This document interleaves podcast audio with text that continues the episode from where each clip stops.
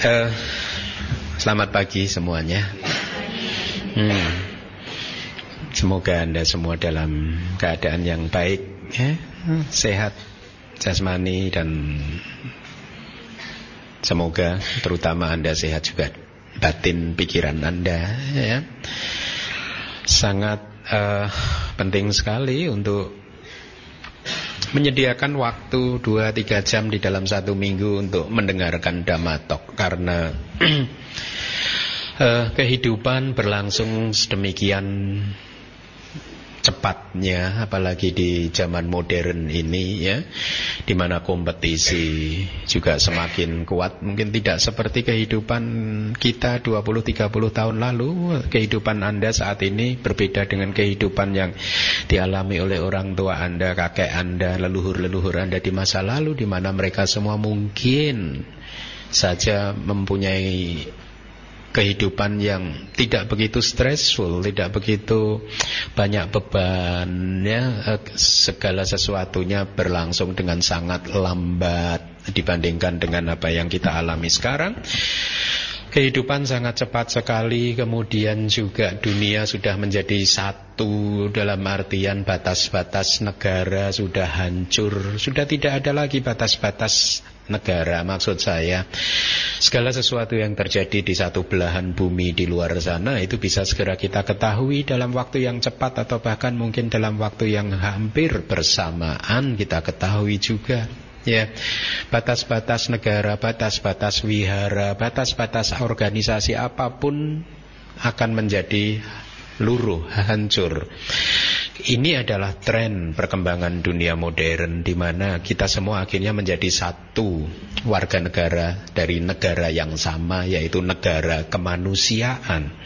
Sudah tidak apa e, tidak relevan lagi di dalam zaman zaman modern ini kita masih e, mempertahankan identitas kita masing-masing segala sesuatu atau aktivitas apa pun yang mencoba untuk mengkotak-kotakkan kita itu melawan tren, melawan arah perkembangan zaman. Jadi di masa depan sudah tidak ada lagi mungkin secara secara e, hakiki, secara dalam artian kebenaran mutlak mungkin. Tidak ada lagi negara Indonesia, negara Amerika, negara apa pun. Semua manusia 6 miliar, 7 miliar manusia yang ada di muka bumi ini adalah satu. Menjadi warga negara dari satu negara yang sama Ya, nah karena perkembangan kehidupan yang sedemikian cepat inilah yang kemudian membuat manusia akhirnya gagal untuk bisa meningkatkan kualitas spiritualnya, gagal untuk meningkatkan kualitas kehidupannya, gagal untuk meningkatkan kebahagiaan di dalam kehidupannya. Karena bumi kehidupan yang berjalan dengan cepat membuat manusia lupa arah, membuat kita menjadi kehilangan kendali kembali membuat kita tidak tahu sesungguhnya apa yang harus kita kejar di dalam dunia ini. Kita yang sudah berumur 40-50 tahun sudah mulai paham betapa selama ini mungkin Anda mempunyai pemahaman atau nilai yang dijunjung tinggi dan ternyata salah yaitu nilai materialisme. Buat Anda yang masih berusia 20-30 tahun mungkin pemahaman Anda tentang kehidupan adalah kalau Anda bisa sekolah dan lulus sarjana S1, S2 dan kemudian mendapat pekerjaan yang bagus, kemudian bisa mempunyai tabungan yang banyak, menjadi orang yang kaya raya dan kemudian Anda akan bahagia. Betul tidak? Semua mungkin kita pada waktu kita masih usia anak-anak kuliah, mahasiswa, mahasiswi, angan-angan kita melambung tinggi. Mendefinisikan kebahagiaan berdasarkan definisi yang bersifat materialisme. Saya akan bahagia kalau saya punya ijazah S1. Ijazah S1 itu adalah materialisme, material. Saya akan bahagia kalau saya bisa S2. Ya. Gelar S2 itu adalah material. Saya akan bahagia kalau saya punya satu dua tiga perusahaan dengan karyawan berjumlah ratusan atau ribuan orang. Ini pun juga material. Saya akan bahagia kalau punya tabungan 10M atau 20M.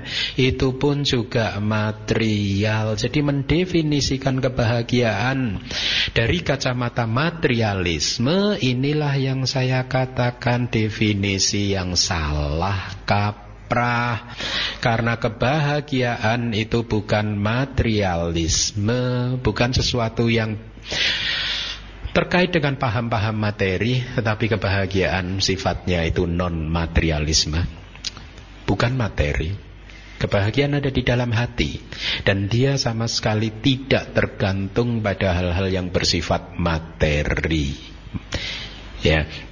Nah tetapi karena persaingan di dalam kehidupan ini menjadi sangat sudah sangat cepat, sangat kuat sekali sehingga akhirnya kita ini salah arah. Seringkali manusia salah arah dan begitu sadar, sering kali sadarnya itu menjadi sudah sangat terlambat. Banyak orang yang stres, depresi, hubungan dengan sekeliling, hubungan dengan samping kanan, samping kiri, dengan tetangga sudah terlanjur menjadi rusak karena selama ini dia tidak menjalani kehidupan dengan uh, menjunjung tinggi nilai-nilai spiritual.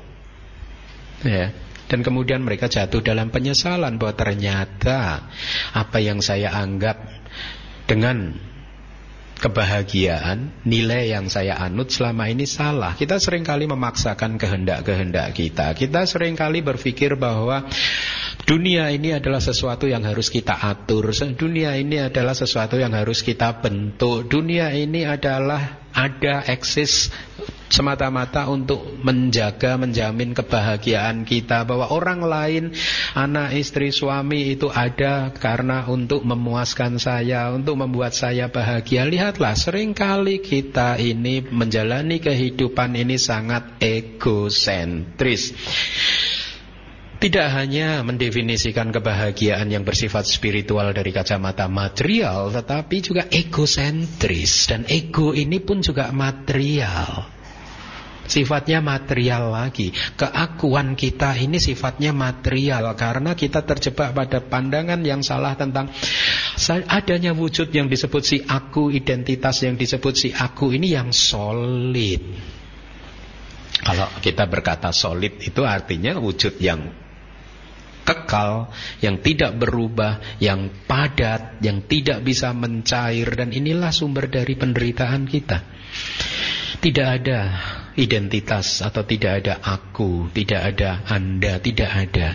Yang ada di dalam kehidupan ini hanyalah fenomena, dua fenomena yang bekerja, saling bergantungan, yaitu fenomena tubuh jasmani Anda dan juga fenomena batin dan pikiran Anda.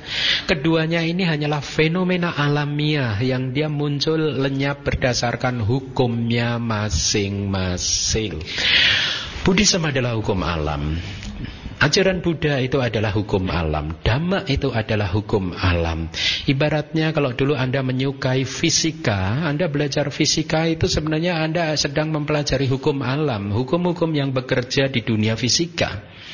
Anda mempelajari biologi, nah, sem, sem, sem, uh, sesungguhnya Anda sedang mencoba untuk mempelajari apa saja yang bekerja, hukum apa saja yang bekerja di dunia yang bersifat mungkin non fisik. Ya. Nah, dengan memahami teori, dengan memahami hukum-hukum yang bekerja, maka kita akan bisa memanfaatkan hukum tersebut semaksimal mungkin demi kebahagiaan kita. Kita bisa menghindari perbuatan yang melanggar hukum tersebut sehingga akhirnya kita tidak menderita karena kebodohan kita. Kita ini menderita sesungguhnya.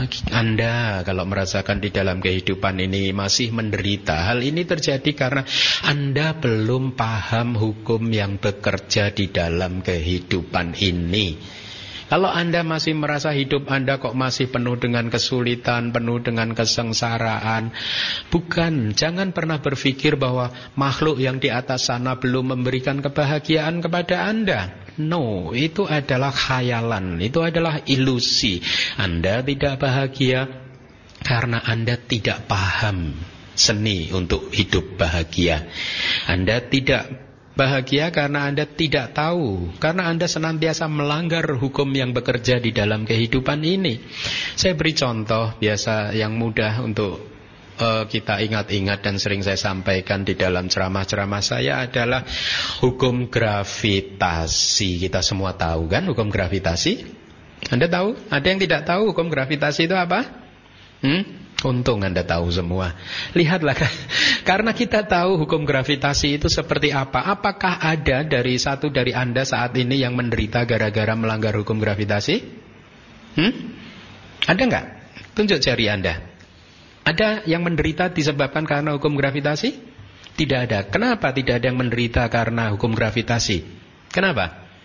Karena Anda sudah tahu bahwa hukum gravitasi menarik benda semua ke ke ke pusat bumi. Apa pun itu, semua benda ditarik ke pusat bumi sehingga Anda tidak mau mencoba untuk berjalan di udara. Betul? Kalau Anda mencoba berjalan di udara kemudian jatuh akhirnya eh, kepalanya benjol-benjol Anda meratap kenapa saya dihukum terlalu berat Huh? Oh Tuhan kenapa menghukum mencoba saya seperti itu bukan? Iya. Menyalahkan siapa? Salahkan diri Anda sendiri karena Anda tidak paham dhamma. Anda tidak paham ajaran Buddha. Oleh karena itulah sering saya katakan bahwa Anda masing-masing ini adalah pencipta buat kehidupan Anda sendiri. Kalau sekarang di ruangan ini ada 300 orang, maka di sini ada 300 pencipta kehidupan. Hebat kan? Masing-masing dari kita adalah pencipta dari kehidupan kita sendiri. Dengan demikian hidup akhirnya menjadi satu perayaan. Masing-masing merayakan kehidupannya sendiri. Kenapa saya katakan merayakan kehidupannya sendiri-sendiri? Karena sama-sama kita semua masing-masing sadar bahwa saya harus bertanggung jawab kepada kehidupan saya sendiri. Sehingga kita akhirnya terhindar dari menyalahkan orang lain.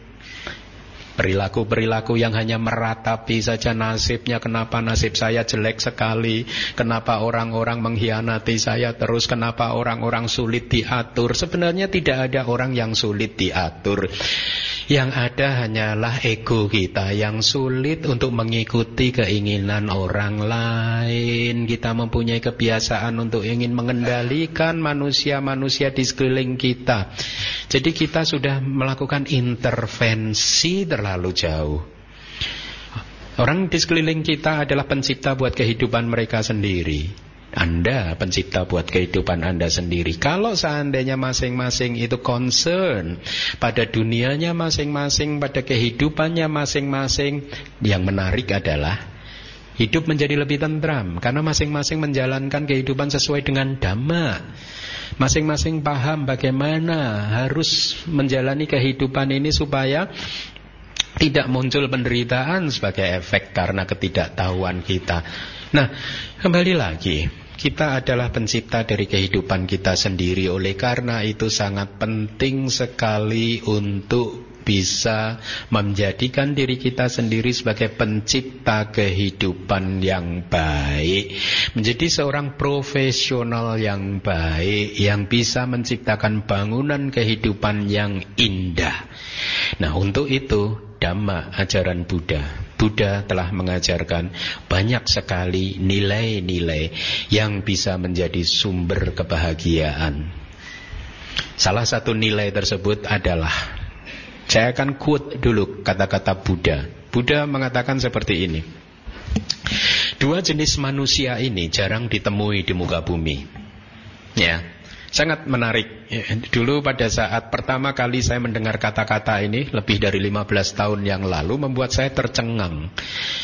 Kenapa Buddha mengatakan bahwa dua jenis manusia yang akan saya sebutkan ini sangat sulit ditemui di dunia ini? Artinya apa? Hanya sedikit saja manusia yang mempunyai kualitas uh, dua ini yang akan saya sebutkan. Yang pertama adalah bahasa palinya adalah pubakari. Pubakari itu adalah seseorang yang uh, berinisiatif untuk melakukan perbuatan baik terlebih dahulu sebelum orang lain melakukannya. Ya, jadi sebelum orang lain melakukannya, kita berinisiatif untuk melakukan kebaikan. Sebelum orang lain menanamkan budi kebaikannya kepada kita, kita berinisiatif untuk memberikan kebajikan, untuk menolong orang tersebut tanpa pamrih, pubak kari. Kita maju, berinisiatif untuk tergerak terlebih dahulu untuk memberikan apa pun yang kita punya demi kebahagiaan orang lain atau demi ke kebahagiaan makhluk lain. Manusia seperti ini sulit ditemui di muka bumi. Ini kata-kata Buddha. 15 tahun yang lalu saya mendengar kalimat seperti ini membuat saya merenung. Apakah benar bahwa kualitas manusia yang pertama yang sulit ditemui ini benar-benar sulit untuk ditemui?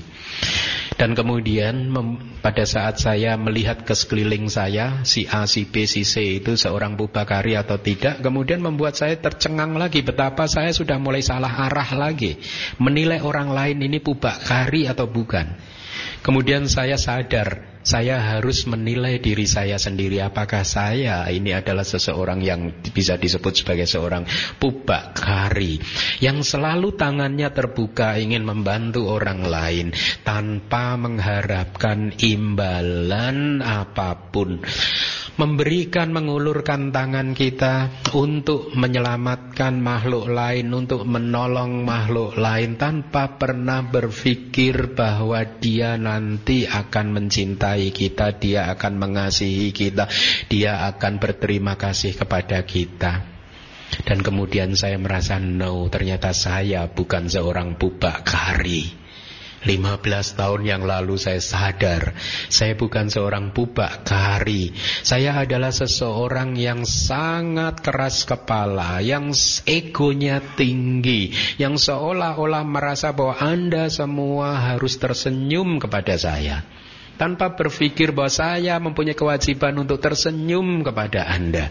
Anda diciptakan untuk kebahagiaan saya.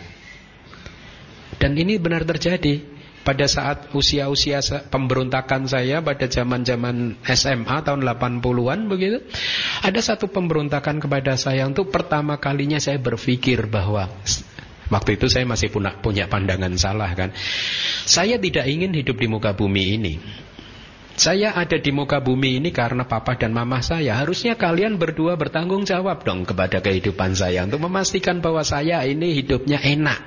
Siapa yang bikin saya? Lihat pandangan salah yang seperti ini kemudian berkembang dan saya merasa seluruh dunia ini ada karena seharus atau mempunyai kewajiban untuk membuat saya bahagia. Bukankah ini satu hal yang salah kaprah dan kemudian Buddha mengatakan orang kedua yang sulit untuk ditemui di muka bumi ini adalah seseorang yang mempunyai jiwa katanyu kata wedi. Apa itu katanyu kata wedi? Terdiri dari dua kata. Katanyu mengetahui menyadari, mengenali bahwa orang lain telah melakukan perbuatan yang baik kepada kita. Ya. Ini kualitas yang dikatakan oleh Buddha jarang ditemui bahwa jarang sekali manusia bisa tahu, menyadari, mengakui bahwa orang lain telah berbuat baik kepada kita. Kemudian kata wedi, kata wedi adalah paham bahwa orang lain telah berbuat baik kepada kita oleh karena itu kita harus berterima kasih kepada dia. Jadi bersyukur dan berterima kasih. Ya. Dan kemudian 15 tahun yang lalu saya merenungkan kehidupan saya lagi. Apakah saya termasuk orang yang sudah bisa bersyukur dan berterima kasih dan saya tercek, terkejut lagi. Ternyata saya bukan seorang yang bisa bersyukur dan berterima kasih.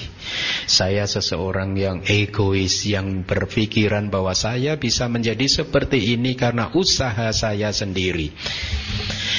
Dan Anda pun mungkin juga berpikiran seperti itu Bahwa Anda bisa menjadi manusia seperti hari ini karena usaha Anda sendiri. Karena kerja keras Anda sendiri. Tidak ada orang lain yang membantu Anda Yang menciptakan Anda bisa menjadi manusia seperti ini. Memang benar saya tadi katakan Anda adalah pencipta dari kehidupan Anda sendiri ya. Tetapi sesungguhnya di dalam kehidupan ini kita saling berinteraksi aksi Bayangkan kalau di masa kecil pada waktu kita masih berada di dalam kandungan mama kita Katakanlah satu orang careless Satu orang tidak hati-hati Tidak waspada Yaitu satu orang tersebut adalah mama kita Misalkan kandungannya dibentur-benturkan ke tembok Hah? Apakah kita bisa hari ini lahir sebagai manusia yang normal seperti ini? Hmm? Atau mungkin pada saat kita sakit panas kan biasa kan bayi itu sering sakit kan? Ya, temperatur suhunya tinggi sekali kemudian papa mama kita cuek aja tidak memberikan obat apa-apa sehingga akhirnya membuat kita apa? E, pikiran kita berubah tidak bisa berpikir secara normal. Atau katakanlah kalau orang tua kita tidak memberikan pelajaran mengajari kita untuk bercakap-cakap dengan baik apakah Anda bisa bercakap-cakap sampai hari ini? Hmm? kalau orang tua Anda tidak mempunyai rasa kasih dan sayang Anda tidak bisa menjadi manusia seperti saat ini.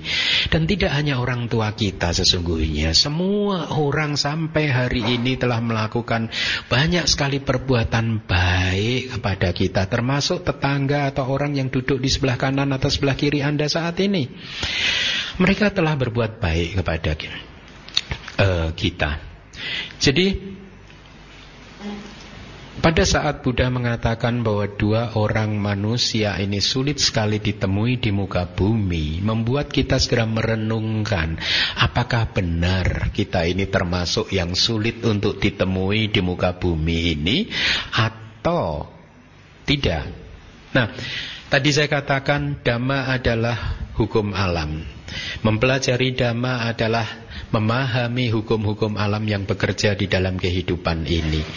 Sehingga akhirnya kita karena kita paham, akhirnya kita bisa memanfaatkan hukum alam, memanfaatkan dhamma semaksimal mungkin untuk kebahagiaan kita kita bisa memanfaatkan pengetahuan dhamma untuk menghindari penderitaan-penderitaan yang mungkin timbul karena kebodohan kita. Nah, salah satu dhamma yang bisa menjadi sumber kebahagiaan adalah menjadi orang yang sulit ditemui di muka bumi ini.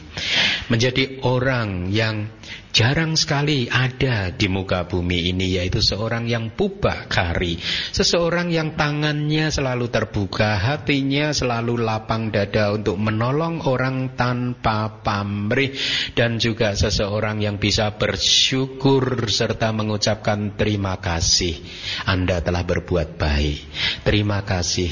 Bantuan Anda sudah membuat kehidupan saya menjadi semakin ringan. Coba bayangkan apa yang Anda rasakan? Perasaan hati seperti apa yang muncul pada saat Anda berjumpa dengan kawan Anda yang senantiasa mengeluh, senantiasa meratapi kenapa kehidupan dia itu buruk sekali, kenapa teman-teman dia tidak ada yang mau membantu, senantiasa menyalah-nyalahkan orang lain dan seberapa banyak Anda sudah memberikan bantuan kepada mereka, dia tidak pernah mengucapkan terima kasih. Bagaimana perasaan Anda? Anda tidak suka, Anda tidak ingin membantu orang seperti ini. Anda merasa tidak nyaman untuk bergaul dengan orang yang setiap hari hanya mengeluh, mengeluh, mengeluh, mengeluh. Setiap hari hanya mengingat kejadian yang buruk, kejadian yang buruk. Setiap hari hanya menciptakan kegelapan di dalam kehidupannya sendiri. Karena sesungguhnya kita berinteraksi di dalam kehidupan ini, ya, kekotoran batin kita ini atau keadaan batin apa pun pun itu juga itu seperti penyakit menular. Ibaratnya seseorang yang terkena sakit flu, kalau Anda dekat-dekat dengan orang tersebut, cepat atau lambat Anda akan tertular penyakit flu tersebut. Kalau Anda berkumpul dengan orang yang senantiasa mengeluh, tidak bisa bersyukur dan mengucapkan terima kasih, lama-lama Anda pun juga tertular oleh penyakit yang tidak bisa bersyukur dan tidak mampu mengucapkan terima kasih tersebut. Anda tidak suka dengan manusia seperti itu yang tidak bisa bersyukur dan mengucapkan terima kasih. Dan karena Anda tidak suka, maka Anda harus merenungkan ke dalam diri Anda sendiri bahwa saya juga tidak ingin menjadi manusia seperti itu. Karena sesungguhnya ini ada satu hukum alam lagi yang bekerja di dalam dunia ini, di dalam kehidupan ini apa yang disebut di dunia modern itu sebagai the law of attraction, hukum tarik menarik. Sesungguhnya ini ajaran Buddha juga. 2600 tahun yang lalu Buddha mengatakan juga bahwa Manusia yang mempunyai sifat yang sama Akan berkumpul dengan manusia yang sifatnya. Ya mereka akan berkumpul dalam satu kelompok itu bisa dikatakan mereka adalah manusia-manusia yang mempunyai sifat yang sama. Di dalam suta diberikan contoh, saya akan ambil dua contoh saja. Pada suatu hari pada saat Buddha bersama dengan para murid bikunya berada di dalam hutan. Kemudian dia berkata kepada para biku, para biku, apakah kamu melihat yang Arya Sariputta di ujung sebelah sana? Ya Buddha, saya melihat beliau. Dan para biku, apakah anda anda kamu melihat ada banyak sekali biku yang mengelilingi yang Arya Sariputta. Iya Bante saya melihat Kemudian Buddha berkata Mereka sudah berkumpul di banyak kehidupan seperti itu Ya, kemudian Buddha berkata lagi, para biku, kamu kalian melihat Dewa data di ujung yang lain tidak. Kemudian para biku menjawab, iya saya melihat Bante. Para biku, kalian melihat banyak biku mengelilingi Dewa Data? Tidak. Iya, saya melihat. Dan kemudian Buddha mengatakan hal yang sama. Mereka sudah berkumpul seperti itu di banyak kehidupan. Dan kemudian yang Arya Sariputta itu murid Buddha yang paling bijaksana. Ya, Dewa Data itu adalah murid Buddha yang tidak bisa bersyukur dan berterima kasih karena dia mengkhianati Buddha. Ya, kemudian Buddha berkata, di dalam kehidupan ini seseorang yang elemennya sama akan berkumpul. Akan berkumpul. Pada tahun 2005 pada waktu saya masih menjadi mahasiswa di Myanmar Saya pernah membaca buku psikologi yang ditulis oleh orang Amerika Dia mengatakan seperti ini kalau Anda masih bingung menentukan siapa diri Anda sesungguhnya, bagaimana kualitas Anda sesungguhnya, ya, sifat-sifat Anda itu bagaimana? Dia mengatakan, uh, cukup Anda melihat lima orang terdekat atau lima orang sahabat terdekat Anda. Dan kemudian lihatlah mereka, mereka manusia yang baik atau manusia yang buruk. Ya, setelah Anda tahu lima orang sahabat terdekat Anda, maka dikatakan Anda tahu siapa Anda. Ya, Anda ya sama dengan lima sahabat terdekat tersebut. Ya, ini hanya menegaskan apa yang dikatakan Buddha bahwa di dalam kehidupan ini orang berkelompok karena kesamaan sifat. Biku-biku yang mempunyai kebijaksanaan berkumpul dengan yang Arya Sariputta. Biku-biku yang jahat berkumpul dengan Dewa Data. Oleh karena itulah Ya, karena kita tahu bahwa seseorang yang mempunyai sifat tidak bisa bersyukur dan berterima kasih itu adalah orang yang tidak baik. Jadi kemudian muncul tekad dari diri kita bahwa saya tidak ingin menjadi seperti dia. Ya.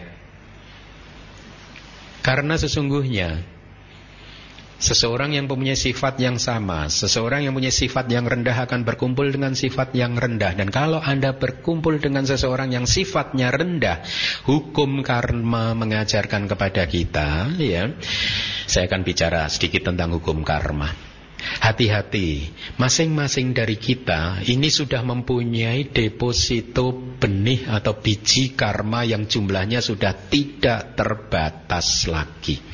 Masing-masing dari kita. Ya. Kita semua mempunyai biji karma buruk yang jumlahnya sudah tidak bisa dihitung lagi. Yang setiap saat bisa berbuah, setiap saat bisa berbuah. Ya.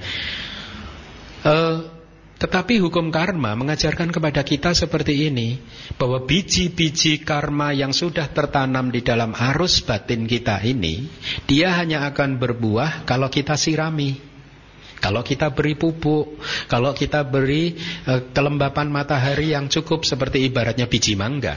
Anda menanam biji mangga, biji mangga tidak harus berbuah. Biji mangga hanya mempunyai potensi, mempunyai kekuatan untuk berbuah tetapi biji mangga tidak harus berbuah. Kalau Anda menanam biji mangga, ya. Kemudian Anda biarkan tidak Anda sirami, tidak Anda beri sinar matahari yang cukup, tidak Anda beri pupuk, maka biji mangga tersebut tidak tumbuh dan tidak berbuah. Sama juga dengan biji karma. Semua perbuatan yang kita lakukan di masa lalu sudah menjadi biji karma. Dan dia menunggu saat yang tepat untuk berbuah. Dia menunggu Anda menyiraminya, dan kemudian dia berbuah. Dan dikatakan di dalam ajaran Buddha bahwa salah satu sumber atau pupuk buat biji karma buruk supaya dia tumbuh dan berbuah adalah berkumpul dengan orang-orang yang tidak baik. Oleh karena itulah kalau kita bertemu dengan orang yang tidak bisa bersyukur dan tidak bisa mengucapkan apa tidak berterima kasih atas kebaikan yang sudah dia terima dari orang lain. Orang seperti ini hanya akan menarik orang yang sejenisnya saja. Ya saya mengatakan Anda tahu uh, dunia politik di Indonesia memberikan pelajaran tentang hal ini dengan sangat gamblang sekali betul tidak? Ya dari pemilu pemilihan presiden tahun lalu memberikan gambaran yang sangat gamblang betapa dua kubu yang sama sekali bertolak belakang bisa berkumpul. Hmm? Dan ini sekarang ini nanti ada pilihan gubernur ini juga mungkin seperti ini. Anda pelajari sekeliling Anda dan untuk membuktikan betapa Buddha mengatakan hal yang benar.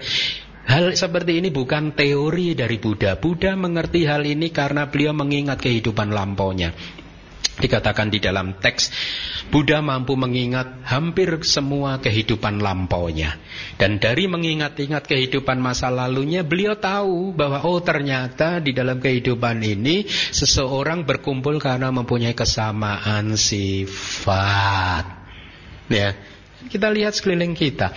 Nah, karena orang yang tidak bisa bersyukur dan tidak berterima kasih hanya akan menarik orang yang sejenisnya saja.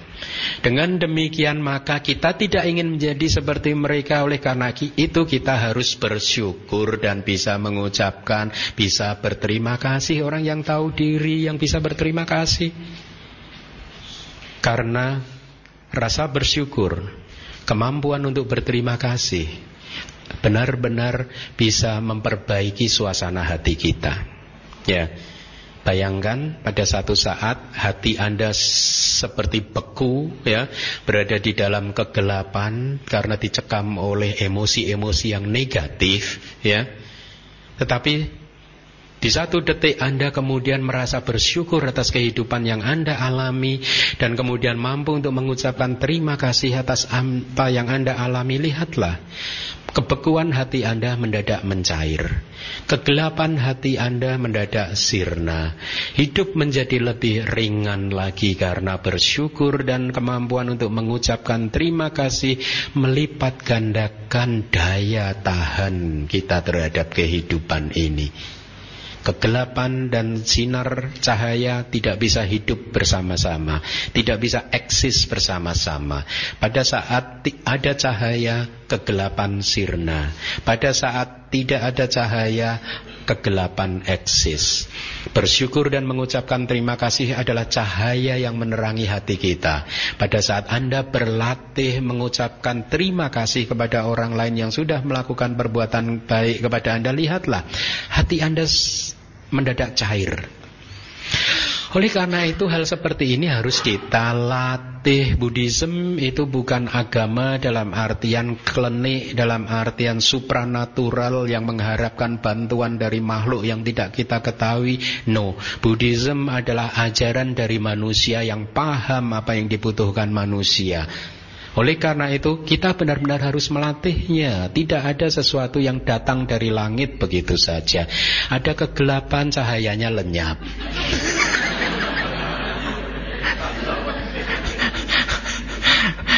Lihat Ya, dewa pun telah mengajarkan memberikan contoh yang nyata kepada Anda. Begitu cahayanya lenyap, kegelapannya eksis. Begitu Anda tidak mampu mengucapkan terima kasih, maka lihatlah apa yang terjadi. Hati Anda akan gelap gulita. Begitu cahaya menyala, kegelapan hilang. Sangat menarik sekali mendengarkan Damatok di DBS. Ternyata tidak hanya audio, tapi visual juga.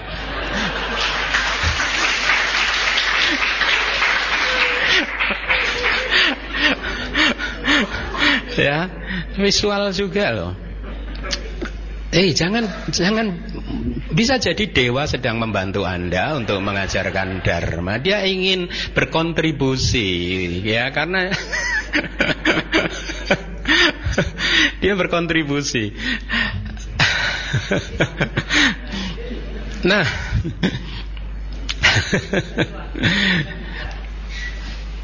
jadi bersyukur dan mengucapkan terima kasih ya akan membantu kita di dalam hidup bermasyarakat. Karena pada hakikatnya teman kita, sahabat kita atau orang siapa pun itu juga sangat menyukai berkumpul dengan orang-orang yang bisa bersyukur, yang tidak hanya mengeluh saja, yang bisa menikmati kehidupan ini.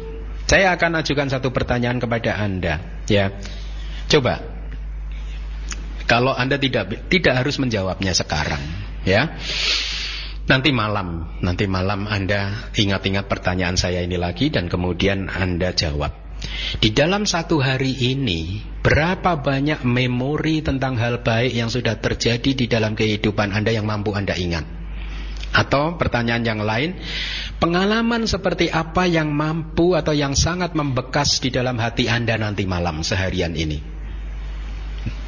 Apakah yang membekas itu adalah pengalaman baik, senyuman orang yang dia berikan kepada kita, atau sebaliknya yang kita ingat adalah kenapa sih dia cemberut? Nah, kenapa sih tadi uh, uh, ada orang yang ambil makanan dua mangkok, tiga mangkok, nah, malah saya sampai saya nggak kebagian, gitu. Kenapa? Atau, atau aduh saya tadi dananya terlalu besar.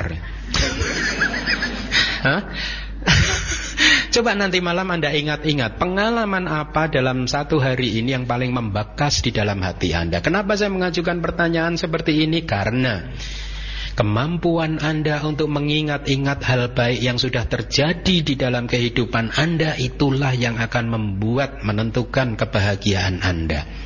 Ya, ingatlah bahwa di dalam kehidupan ini kita harus bisa melihat secara objektif. Memang benar kadang kita mengalami kejadian yang tidak baik Tapi sering kali kita mengalami hal yang baik.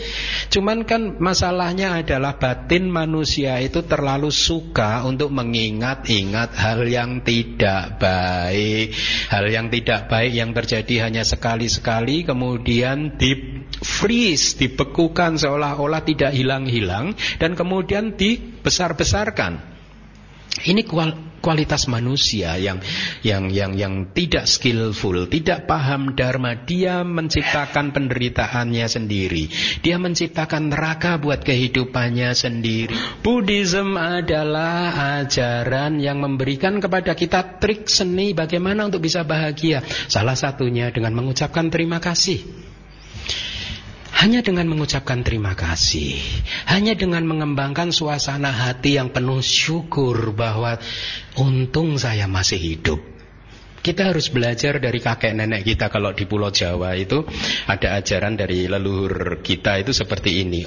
Jadi orang Jawa itu diajarkan harus selalu beruntung, merasa beruntung atas apa yang kita alami. Jadi diberi contoh, kalau dia jatuh kemudian lututnya yang berdarah, lecet, ya kakek nenek kita akan untung hanya lututnya aja, tangannya enggak. Kan gitu kan? Ya. Nanti kalau jatuh lututnya lecet, tangannya lecet, untung hanya lutut dan tangannya yang lecet, kepalanya enggak ikut lecet. Kan begitu. Dan nanti kalau jatuh lutut lecet, tangan lecet, kepala lecet, untung yang lutut hanya uh, yang yang lecet hanya lutut, tangan dan kepala. Uh, yang lainnya masih bisa sehat, masih bisa berjalan. Nanti kalau kecelakaannya parah udah nggak bisa apa-apa, untung masih hidup. Kelihatannya ajaran sederhana, tetapi kalau kita benar-benar bisa mempraktekkan bahwa kita ini banyak sekali menerima keberuntungan di dalam kehidupan ini, cuman masalahnya kita Anda tidak mampu mengingat hal baik yang terjadi. Karena Anda tidak mampu mengingat hal baik yang terjadi, kenapa? Karena Anda terbiasa mengingat hal buruk yang terjadi. Jadi ibaratnya Anda adalah seorang gardener, Anda itu menyuburkan rumput liar di dalam taman hati Anda. Anda menyuburkan benalu di dalam taman hati Anda. Semakin banyak rumput liar benalu di dalam hati Anda. Rumput liar tadi akhirnya menguasai keseluruhan hati Anda. Dan akhirnya apa?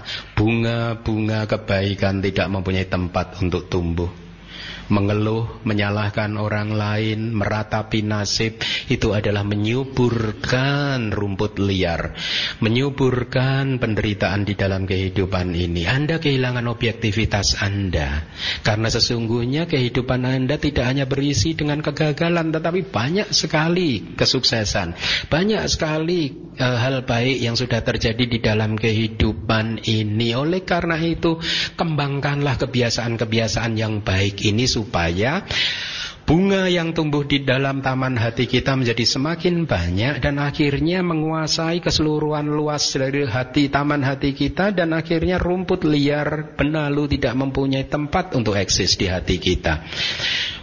Pada saat kita ingin meminta tolong seseorang, katakanlah dengan penuh perhatian, hayatilah makna kata-kata Anda. Maaf, apakah saya boleh minta tolong? Hmm. Dengan mengucapkan hal seperti itu membangun satu arah baru di dalam arus batin kita bahwa kita akan sadar bahwa orang lain atau bahwa kita ini tidak bisa apa-apa tanpa bantuan orang lain. Misalkan nanti setelah damatok ini kita, Anda semua mengambil makanan gitu ya. Maaf, tolong ambilkan sendok itu buat saya bisa enggak gitu. Ya. Setelah orang lain mengambilkan sendok kepada uh, dan memberikannya kepada Anda, jangan lupa mengucapkan terima kasih. Berikan senyuman yang terbaik buat dia. Terima kasih. Tersenyum. Hmm? Senyum yang paling manis. Saya pernah melihat orang senyum aja kecut. Bayangkan. Yang namanya senyum aja dilihatnya kecut. Bagaimana kalau nggak senyum coba orang seperti ini? Maka kita harus sering bangun tidur di depan cermin kemudian berlatihlah senyum yang lepas. Ya, jangan ada senyum kecut lagi karena suasana seperti ini benar-benar membuat hati kita terang benderang. Membuat kita menjadi hidup menjadi lebih ringan. Inilah seni untuk menjadi bahagia. Minta tolong ya, ambilkan ini. Setelah di orang lain memberikan pertolongan, apa yang harus kita ucapkan? Terima kasih, gitu. Ya. Ini adalah karma yang berbuah seketika. Pada saat Anda mampu mengucapkan terima kasih, maka orang yang menerima rasa terima kasih Anda itu akan menjadi semakin bersahabat kepada Anda. Betul tidak? Dan begitu dia menjadi semakin bersahabat, bisnis lancar. Iya enggak? Ya. Jadi jangan jangan seperti misalkan Ya, kadang di dalam kehidupan kita kita harus bisa mengekspresikan rasa apresiasi kita, memuji orang lain ya, memuji, bukan istilahnya apa? Flattering itu apa? Hah? Hah? Flattering apa? Sorry? Menjilat, oke. Ya. Oke, oke, ya kita memuji orang bukan untuk untuk menjilat. Ya, memuji karena memang orang tersebut telah berbuat baik.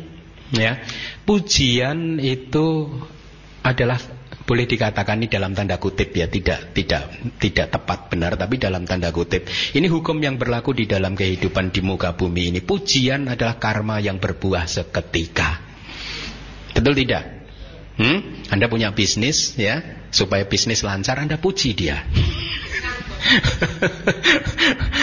ya, jadi uh, buahnya akan seketika kita rasakan. Kembali kita renungkan diri kita. Apa yang kita rasakan kalau kita menerima pujian dari orang lain? Senang atau tidak senang? Karena Anda senang menerima pujian, maka orang lain pun juga senang kalau Anda puji. Jadi kenapa Anda tidak memuji orang tersebut, orang lain tersebut? Belajarlah untuk memuji suami istri, apalagi suami istri. Ya, suami katakan pada istri Anda, "Mah, pagi ini kamu cantik sekali ya." Ya. Dan istrinya harus menjawab, "Iya, memang saya cantik." Jangan terus Anda kan punya tradisi yang menurut saya ya ini secara psikologis eh, kadang kurang pas. Kalau ada orang yang memuji kita kemudian kita nolak, enggak enggak lah gitu. Itu namanya Anda turn him down. Jadi Anda orang tersebut sudah memuji Anda dengan tujuan satu membuat Anda bahagia dan membuat diri Anda bahagia tetapi Anda jangan enggak lah bukanlah kamu ada udah jangan enggak enggak enggak enggak enggak lihat kamu malah membuat Anda malah membuat dia stres kecewa. Betul tidak? Jadi kalau mulai sekarang kalau ada siapa pun memuji Anda Anda harus menjawab apa? Terima kasih. Ya terima kasih. Ya. saya memang pantas untuk dipuji. In, jangan menjawab hal seperti ini bukan untuk meningkatkan kesombongan kita, bukan. Menjawab hal seperti ini adalah semata-mata supaya kita makin terlatih untuk sadar bahwa ternyata di dalam kehidupan ini banyak sekali hal baik yang telah terjadi di dalam kehidupan kita. Sehingga apa? Anda tahu kenapa orang bisa depresi? Ya? Kenapa orang bisa stres, depresi? Saya kasih tahu. Mereka yang stres dan depresi adalah mereka yang pikirannya hanya selalu mengingat kegagalan, hal buruk, perlakuan buruk yang diterima uh, dari orang lain, ya, penderitaan dan lain sebagainya. Itu adalah orang yang stres dan depresi. Dia tidak mampu mengingat-ingat hal baik yang terjadi di dalam kehidupannya. Pada saat saya masih sebagai sarjana Buddhis yang yang baru ya. E, begitu lulus dari Myanmar keluar dari Myanmar saya e, e, sempat mampir ke Malaysia hidup selama mungkin setengah tahun di Malaysia untuk menyebarkan dhamma. Pada suatu hari ada satu keluarga datang kepada saya ya. Jadi suami istri dan dua atau tiga orang anaknya. Anaknya udah besar besar ya. Jadi sudah sudah sarjana semua anak-anaknya tiga orang. Itu yang paling kecil pun sudah bekerja, sudah sarjana. Nah, suaminya mengatakan kepada saya bahwa istrinya ini stres berat. Sudah kalau saya tidak salah ya, udah belasan tahun, 14 tahun terakhir ini istrinya itu depresi. Sehingga sudah beberapa kali suami dan anak-anaknya berembuk dan sempat ada pembicaraan untuk mengirim istri atau mamahnya itu ke uh, ke ke psikiater atau ke rumah sakit jiwa seperti itu. Ya.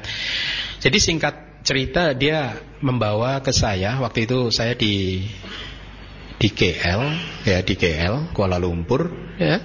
Setelah dia ceritakan begitu saya melihat wajah istrinya mamah tersebut saya memang bisa melihat bahwa ini orang lagi depresi. Gitu. Kenapa? Karena cahaya wajahnya tidak muncul, tidak ada gelap gulita. Gitu.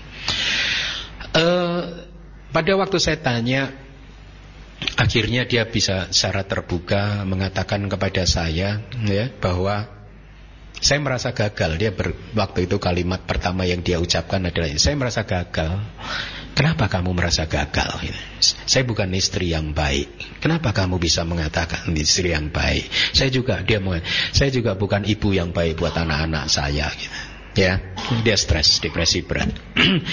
Setelah saya mengerti permasalahannya karena saya juga belajar abidama, saya tahu bahwa Pikiran dia terbiasa berpikir hal yang gelap gulita, terbiasa berpikir hal yang negatif. Gitu. Sehingga akhirnya menjadi tugas saya untuk secara pelan-pelan membongkar memori dia tentang semua hal baik yang sudah dia lakukan selama kehidupannya. Saya katakan, apa yang kamu rasakan pada saat kamu mengandung anak-anak kamu itu? Ada rasa kasih di sana? Oh iya, kamu benar-benar memastikan supaya bayi yang ada di dalam kandungan itu bisa lahir sehat, selamat, tidak cacat, ya menjaga kandungan hati-hati, menjaga gizi makanan dan lain sebagainya. Oh iya, Waktu itu belum ada masalah Bante dia bilang Hanya 14 tahun terakhir ini saja Oke okay. Lupakan yang 14 tahun terakhir Kamu sudah hidup udah uh, Waktu itu dia mungkin berumur 45 tahun Ya, sehingga saya saya bongkar memori dia. Bukankah kamu seorang ibu yang baik buat anak-anak kamu? Ya, bagaimana kamu merawat anak kamu, ya, memandikan bayi, ya, kemudian mengajarinya bercakap-cakap, mengajarinya memakai pakaian sepatunya sendiri dan seterusnya, menyediakan makan pagi buat suami kamu. Bukankah itu semua perbuatan yang baik gitu? Jadi saya saya fokuskan, saya latih pikiran dia untuk tidak lagi melihat kegelapan tetapi melihat cahaya. Bahwa di dalam kehidupan ini dia, anda, kamu sudah melakukan banyak perbuatan baik. Dan kemudian saya latih meditasi yang disebut caga anusati. Ya, merenungkan perbuatan baik yang sudah dia lakukan. Singkat cerita setelah beberapa bulan dia sembuh. Sampai sekarang dia masih menghubungi saya. Bulan lalu dia masih menghubungi saya. Dia bisa keluar dari kegelapannya. Terima kasih. Saya memang pantas untuk diberi tepuk tangan.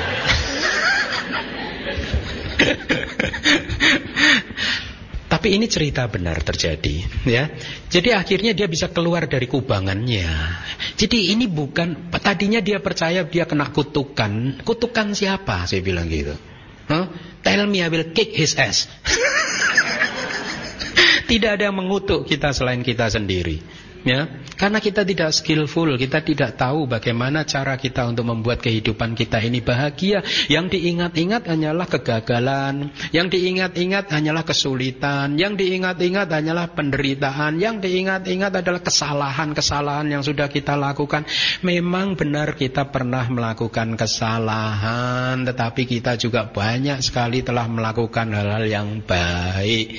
Ya, Seringkali manusia mengajarkan kepada kita belajarlah dari kesalahan yang sudah kita lakukan. No, hidup terlalu singkat untuk mengingat-ingat kesalahan. Daripada kita belajar dari kesalahan kita, lebih baik kita belajar dari hal baik yang sudah kita lakukan. Kita tingkatkan. Kualitas baik yang sudah kita berikan untuk kebahagiaan semua makhluk kita tingkatkan Sehingga akhirnya mendesak rumput liar Akhirnya menjadi satu kebiasaan yang positif Terus menerus ucapkanlah terima kasih pada saat anda diberi tepuk tangan seperti tadi. Terima kasih. Karena mengucapkan terima kasih ini benar-benar membuat suasana hati Anda seketika menjadi terang benderang. Ya, bahwa Anda sudah berada di jalur yang benar sehingga mereka tepuk tangan. ya. Jadi eh, pada saat orang kemudian mengucapkan terima kasih, Anda juga bilang belajarlah dari orang Inggris, orang Eropa, orang ini kalau diucapkan thank you apa jawaban dia? You are most welcome. Bukannya thank you. Nah, anda baik sekali. No lah. Mana ada boleh-boleh ngomong gitu. Itu kan Anda yang bilang bola.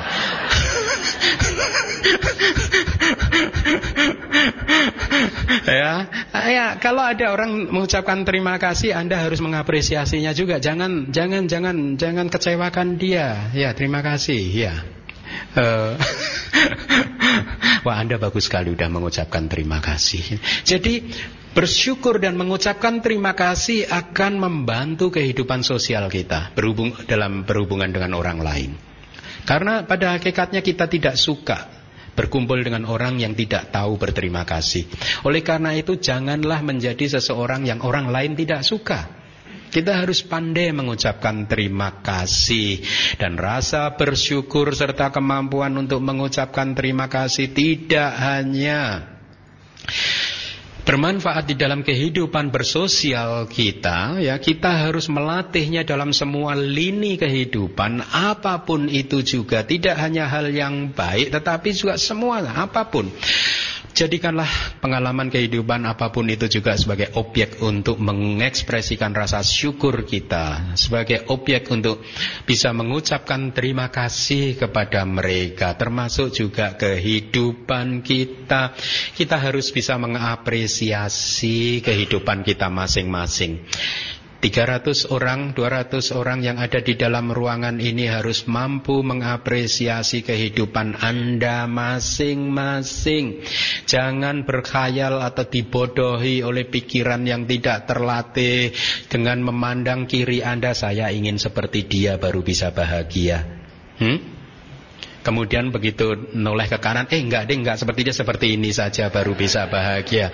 Lihatlah Anda menghabiskan waktu waktu, membuang-buang waktu Anda untuk menjadi orang lain.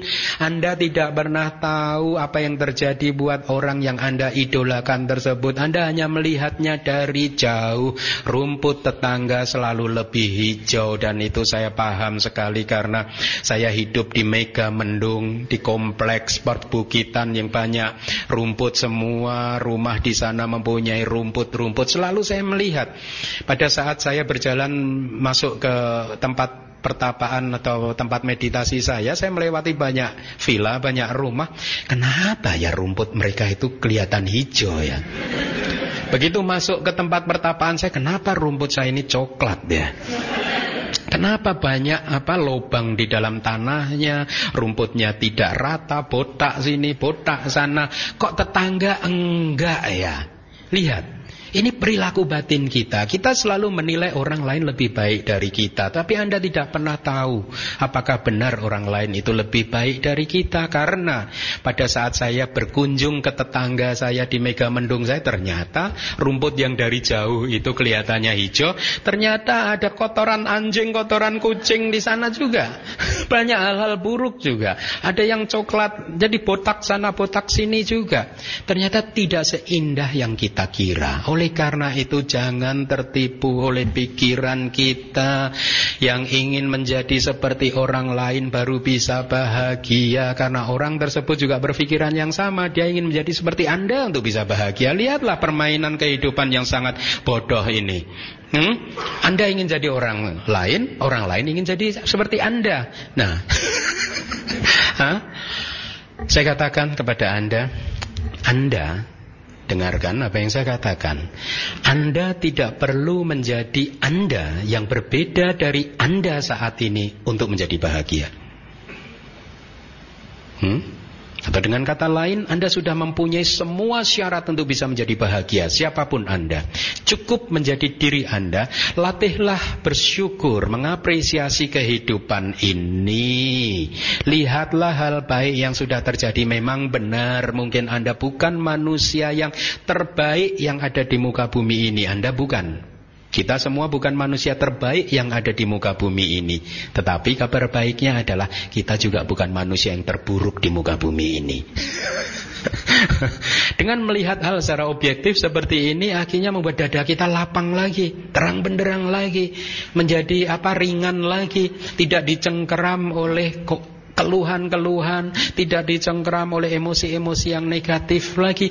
Dengan demikian kita bisa lebih mengapresiasi kehidupan ini. Ya, saya bisa menjadi bahagia seperti saya saat ini. Jangan berusaha untuk menjadi orang lain. Apresiasilah kehidupan Anda.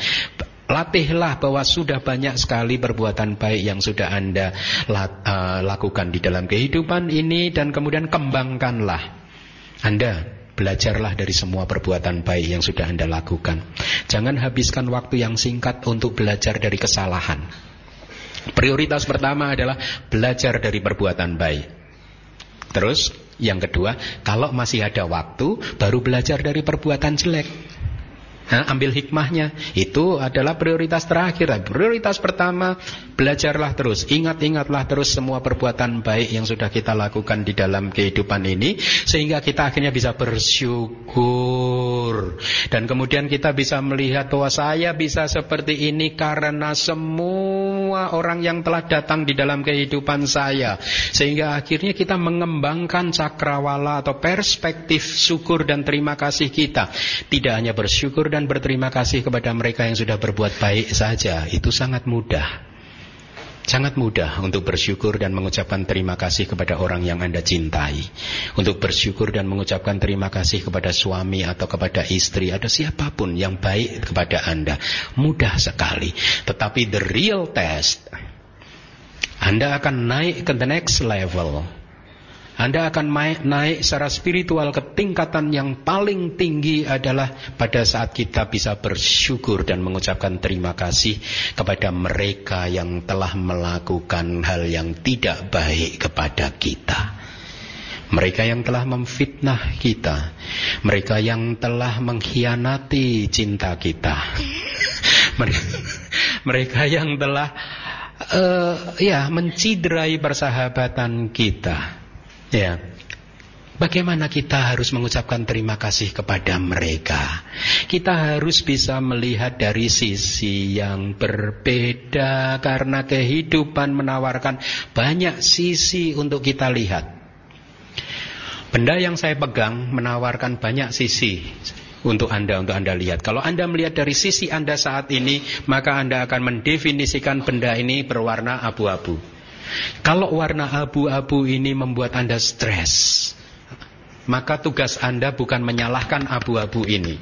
Tetapi geserlah sudut pandang Anda sehingga yang Anda lihat adalah ini. Kalau sisi ini masih membuat Anda stres, geserlah, jangan hancurkan objek ini. Geserlah sudut pandang Anda sehingga Anda melihat sisi kuning ini. Dan sampai kemudian Anda menemukan sesuatu yang membuat Anda bisa bersyukur dan berterima kasih kepada benda ini. Jadi tugas kita hanyalah menjadi lebih skillful, mahir untuk menggeser sudut pandang kita, menggeser persepsi kita karena jangan percaya pada persepsi yang negatif yang akan memberikan penderitaan saja kepada Anda. Buanglah semua persepsi yang negatif. Dan saya banyak belajar dari kehidupan saya. Saya sering uh, senantiasa saya merasa bersyukur bahwa pada akhirnya saya mengambil jalur kehidupan ini. Ya. Uh, tentu ada ada sesuatu hal yang terjadi di masa lalu di dalam kehidupan saya ya.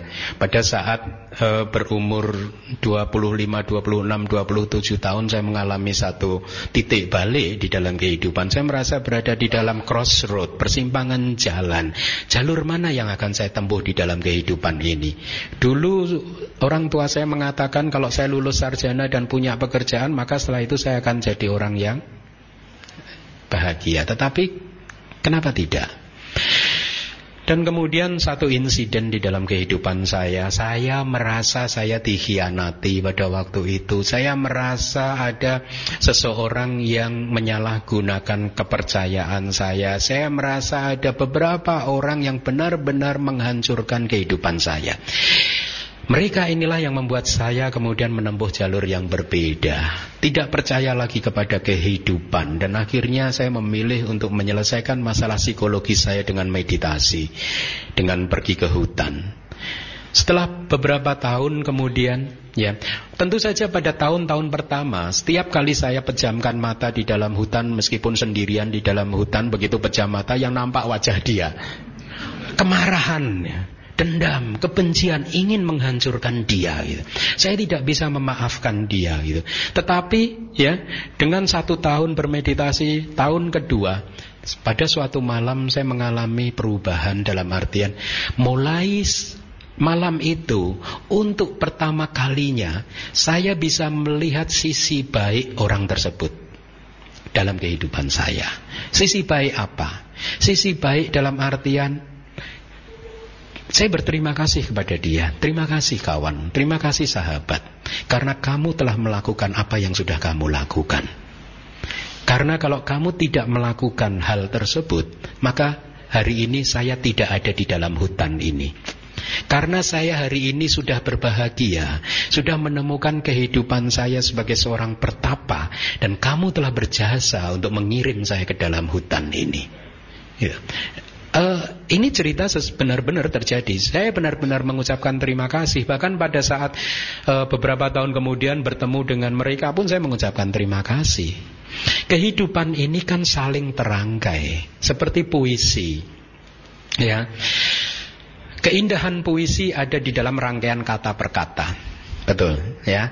Dan kalau Anda menyukai puisi tersebut, Anda tidak bisa menghilangkan satu kata diambil dihilangkan dari rangkaian kata di dalam puisi tersebut. No. Kata yang tidak indah tersebut, ya, itu terangkai dengan kata-kata yang lain yang kemudian membuat puisi itu akhirnya indah. Sama dengan kehidupan kita. Di dalam kehidupan kita banyak sekali kejadian buruk yang sudah terjadi, tetapi itu semua adalah pengalaman yang telah membuat Anda kita semua sampai di hari ini sampai di titik ini. Kalau Anda saat ini merasa menjadi orang yang bahagia, maka bersyukurlah, ucapkan terima kasih kepada mereka yang telah menyakiti Anda di masa lalu. Karena merekalah Anda tumbuh dan berkembang. Bagaimana Anda bisa tahu kemajuan Anda, kesabaran Anda, cinta kasih Anda, rasa memaafkan Anda kalau Anda tidak pernah diuji oleh orang-orang seperti ini. Inilah mengapa lihatlah orang tersebut dari sisi yang berbeda akhirnya bisa mengerti bahwa sesungguhnya orang tersebut adalah guru saya juga. Ya, guru yang menunjukkan kepada saya, mengajarkan kepada saya apa itu arti dendam. hmm? Anda tidak belajar dendam dari papan tulis saja. Ya, Bante Keminda mengajarkan dendam menulis di papan tulis dendam. Ya, kemarahan, kebencian saya tulis di papan tulis dan saya ajarkan kepada Anda tetapi saya tidak pernah bisa menunjukkan makna sesungguhnya, rasa sesungguhnya dari kemarahan, kebencian, dendam kepada Anda. Tapi orang yang telah menyakiti Anda mampu menunjukkannya. Oh, ternyata rasa kemarahan ini seperti ini. Oh, dendam itu seperti ini. Oh, kebencian ini seperti ini. Ternyata kebencian itu hanyalah sesuatu yang muncul muncul dan kemudian lenyap. Dia memberikan exercise kepada Anda. Dia memberikan latihan kepada Anda bagaimana Anda menghandle kemarahan, kebencian dan dendam tersebut. Tanpa ditunjukkan oleh mereka, Anda tidak akan pernah paham kemarahan, kebencian, dendam itu seperti apa. Lalu pertanyaannya, bukankah kita harus berterima kasih kepada orang seperti ini? Hmm? Ya. Beberapa tahun terakhir saya mengalami hal-hal yang sering membuat saya terkejut di dalam kehidupan saya sebagai biku karena saya hidup di Indonesia. Tetapi kemudian saya tahu bahwa hal-hal yang tidak baik yang saya alami tersebut ternyata membuat saya jadi tahu, jadi paham. Eh, ternyata latihan saya sudah berkembang ya. Ternyata hal-hal seperti itu tidak membuat saya tergores lagi ya. Ternyata hal-hal seperti itu tidak membuat saya stres, depresi, tidak bisa tidur, tidak bisa makan. Ternyata tetap gemuk juga saya. Huh? Anda pernah dengar kenapa biku itu gemuk? Gemuk. Kenapa? Hah? Kenapa biku itu rata-rata gemuk? Ini saya udah kurus 4 kilo tapi masih masih gemuk juga. Kenapa? Ya, ibu itu benar. Karena hatinya besar lapang dada. Supaya dadanya lapang harus gemuk kan berarti kan?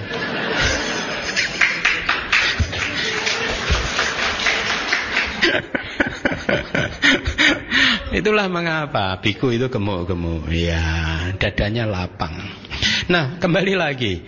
Jadi Bersyukur mengucapkan terima kasih tidak hanya kepada orang yang sudah berbuat baik kepada kita Tetapi juga kepada mereka yang telah berbuat tidak baik kepada kita.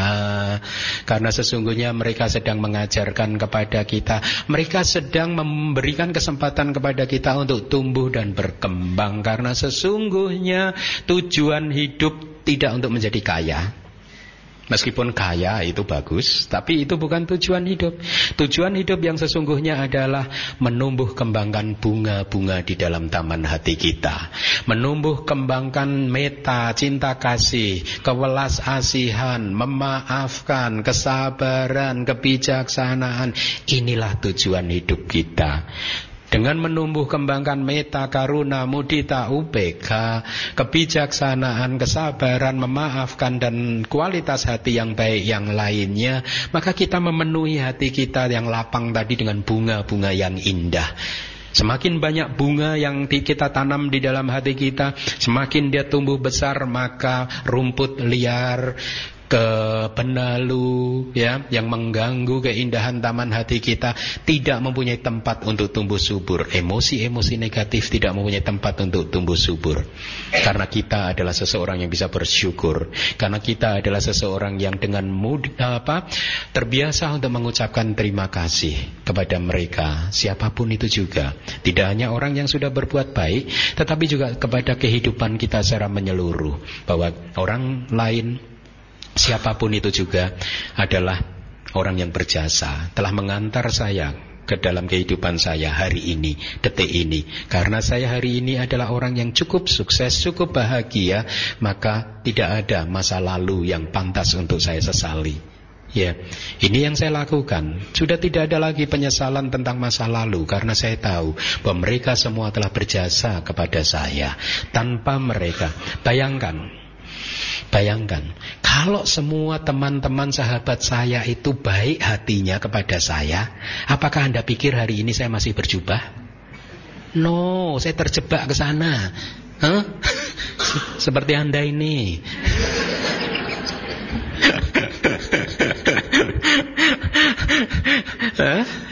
Jadi bukan saya tidak meng, me, saya tidak anti perkawinan ya. Saya tidak mengatakan kalau Anda tidak bisa bahagia ya, jangan kita sama saja kita dalam perahu yang sama.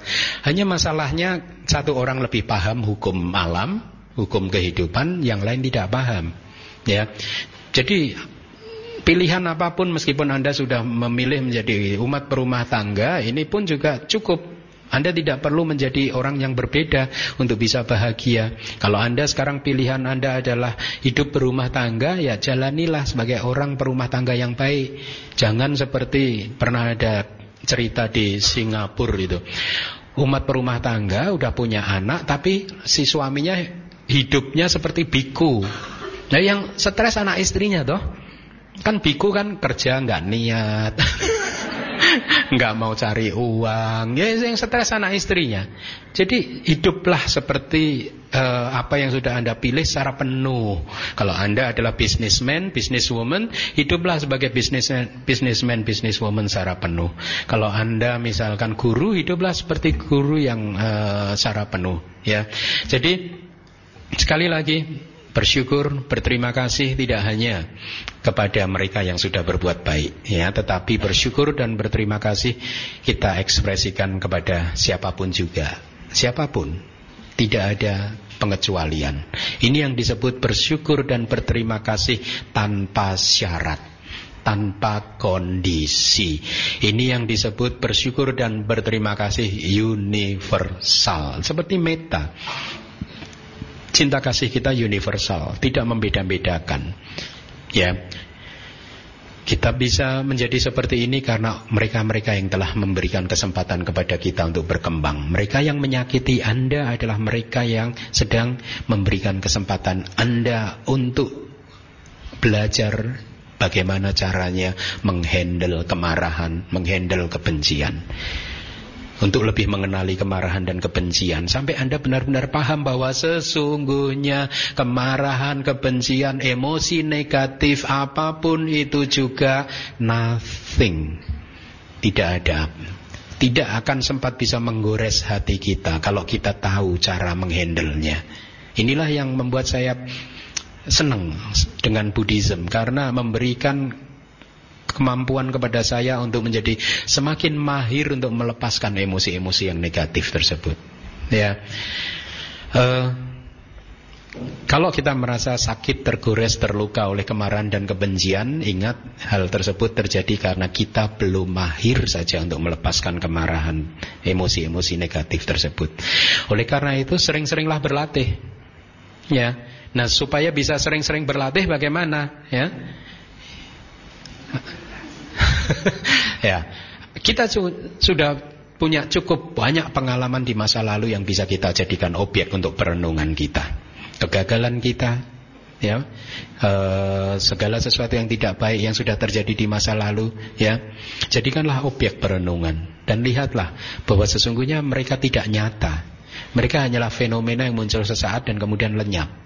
Sehingga dengan demikian persepsi Anda tentang anicca, tentang ketidakkekalan menjadi semakin kuat. Seorang yang persepsinya tentang anicca, tentang ketidakkekalan sudah cukup kuat, sangat kuat, dia akan mempunyai daya tahan yang cukup kuat untuk menahan goncangan di dalam kehidupan ini. Benar tidak?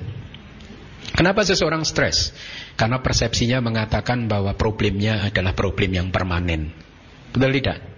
Kalau dia paham bahwa problemnya ini hanyalah sesuatu yang muncul dan kemudian lenyap, maka dia akan menerima problem tersebut dengan tersenyum dan dengan bersyukur. Karena problem tersebut memberikan satu kali kesempatan kepada saya untuk merealisasi anicca Ketidakkekalan. Bahwa segala sesuatu yang muncul pasti akan lenyap kembali. Untuk bisa merealisasi seperti ini, Anda membutuhkan banyak ujian. Dan ujian-ujian itu bisa Anda terima, terutama dari mereka yang menyakiti Anda. Buddhism mengajarkan kepada kita bahwa musuh kita sesungguhnya adalah rasa sakit hati itu sendiri.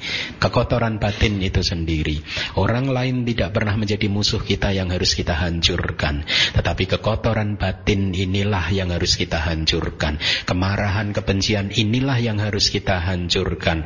Anda harus ingat bahwa kemarahan, kebencian, dendam itu bukan masalah Anda dengan orang lain. Kemarahan, kebencian, dan dendam adalah murni masalah psikologis Anda anda dengan diri Anda sendiri. Tidak ada hubungannya dengan orang lain. Oleh karena itu jangan hancurkan orang lain. Geserlah sudut pandang Anda. Sampai kemudian kemarahan Anda lenyap. Seperti es yang terkena sinar matahari. Akhirnya es yang membeku tersebut mencair, membeku, uh, apa, meleleh. Hati Anda yang membeku karena kemarahan, kebencian dan emosi negatif yang lain meleleh, mencair dan hidup menjadi semakin ringan. Ya, terima kasih.